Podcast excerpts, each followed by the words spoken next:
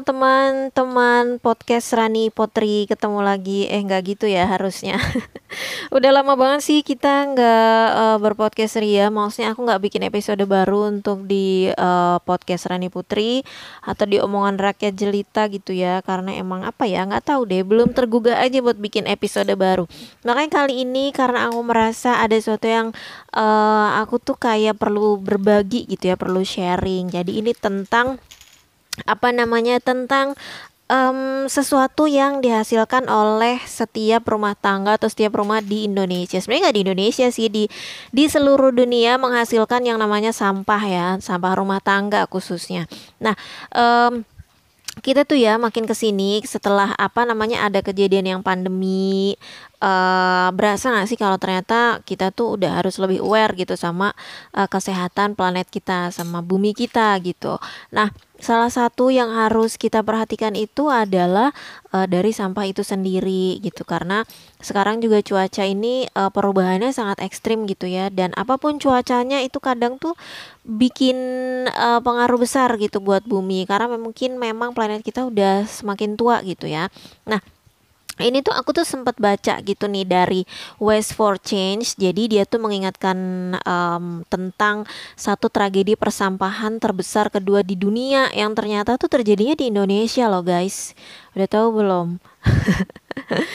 nah mungkin ini meng sekedar mengingatkan kembali karena uh, tragedi ini cukup apa ya cukup bukan dramatis sih tapi tuh cukup ironi lah gitu. Karena ini tuh bencana ini sampai merenggut 157 korban jiwa bahkan sampai menghapus dua desa dari peta. Oh parah banget kan?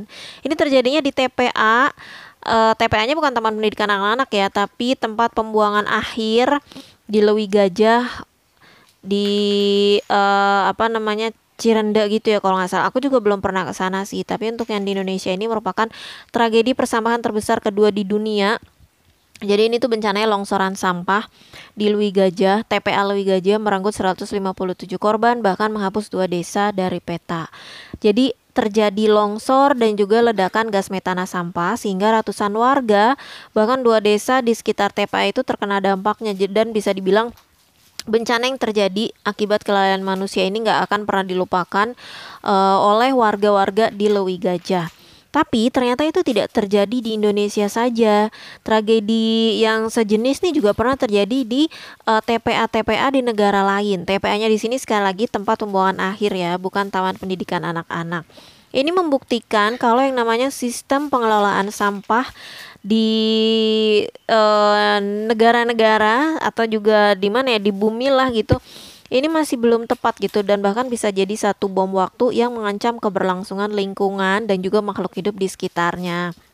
Makanya selama ini kan e, pemerintah terus juga LSM gitu kan e, bahkan juga sebenarnya masyarakat ini sama-sama bekerja sama menciptakan kesadaran pentingnya pemilahan sampah. Ini untuk e, mengurangi sampah ini berakhir di TPA dan kemudian menyebabkan atau memicu adanya uh, ledakan gas metana tadi.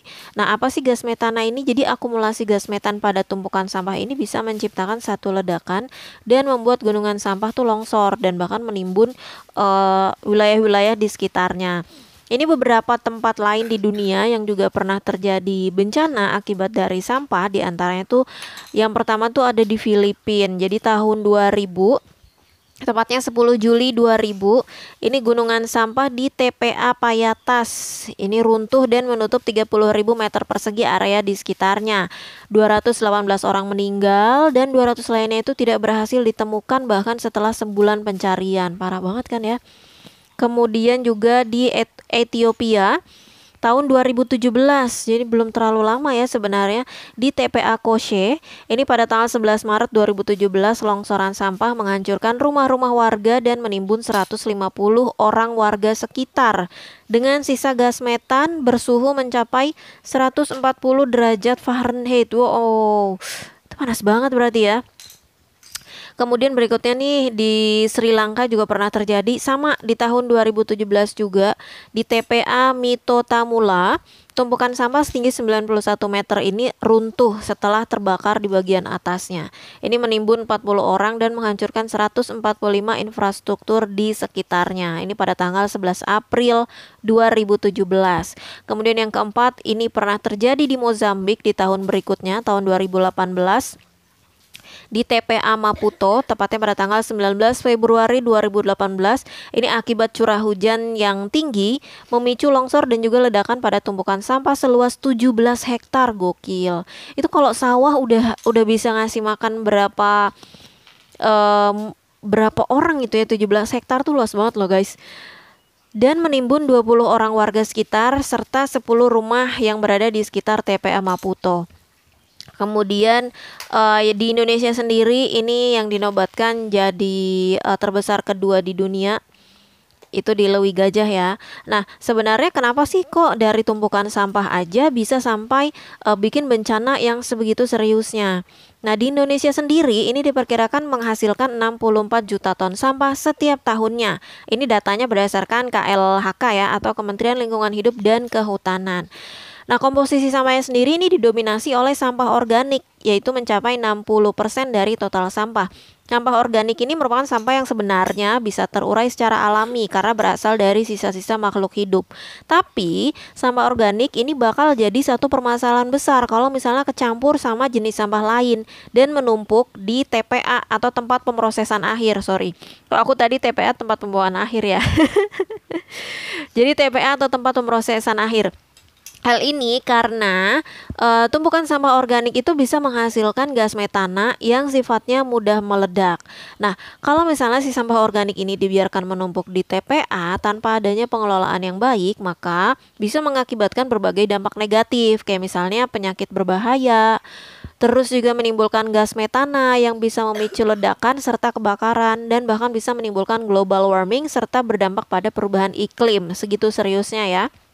Nah, untuk si uh, sampah organik ini sendiri sebenarnya kan um, apa namanya oleh karena uh, bisa kita pilih gitu ya kalau si sampah organik ini. Jadi kita bisa memilih si sampah kalaupun misalnya kita langganan uh, tukang sampah gitu yang ngangkut tiap mm, tiap dua hari sekali atau tiap hari itu kita bisa pisahin sampah organiknya sampah sampah non organik jadi sampah organik itu kayak misalnya dari sisa-sisa makanan, terus juga uh, ya pokoknya sisa-sisa dapur lah gitu.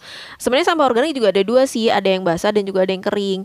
Nah, kalau yang basah ini dia memiliki kandungan air yang cukup tinggi dan biasanya lebih cepat membusuk dan terurai secara alami karena tingkat kelembapan yang tinggi. Jadi kayak misalnya sisa-sisa makanan itu sendiri, sisa-sisa dapur lah gitu terus sisa buah-buahan, sisa sayuran kayak gitu.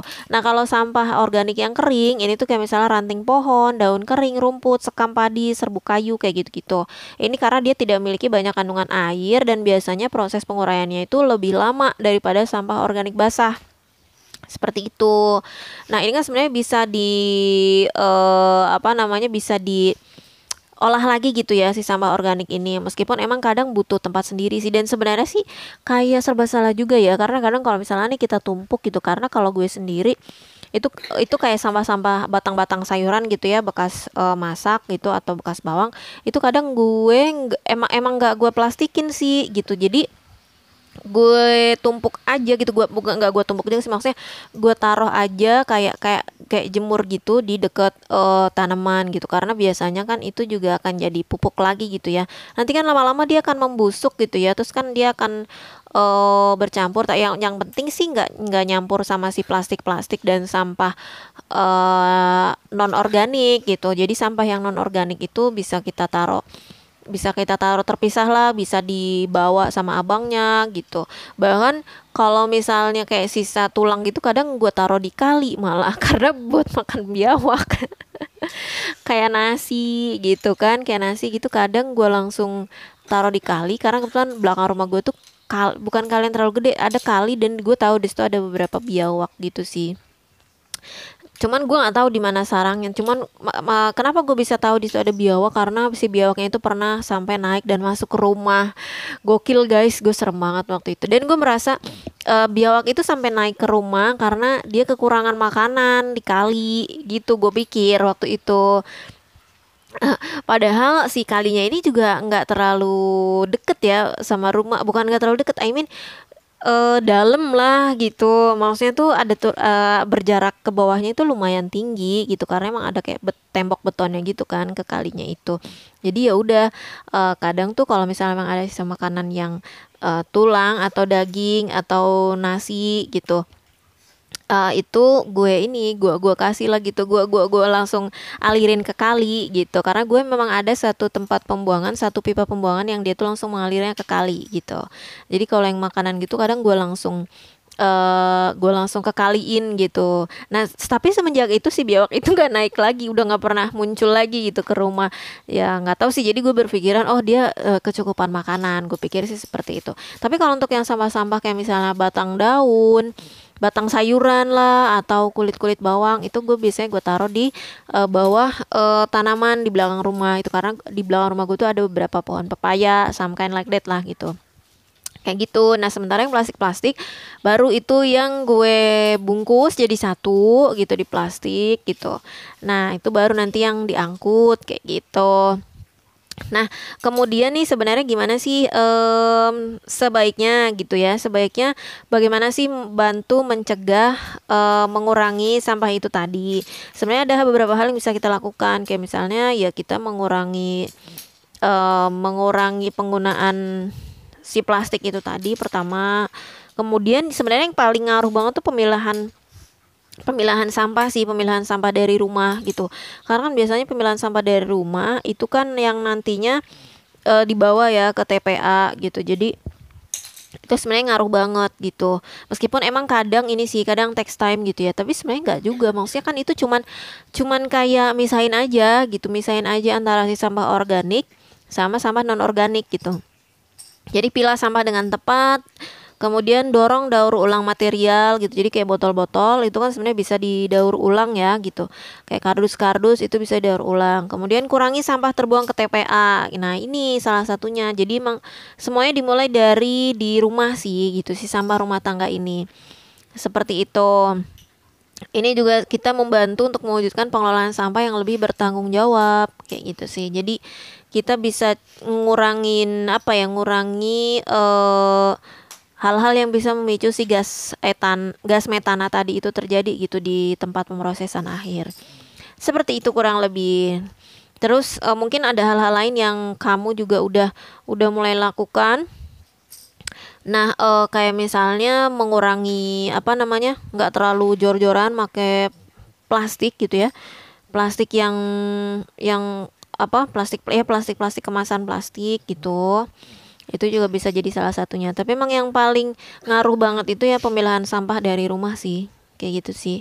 Pemilahan sampah dari rumah gitu.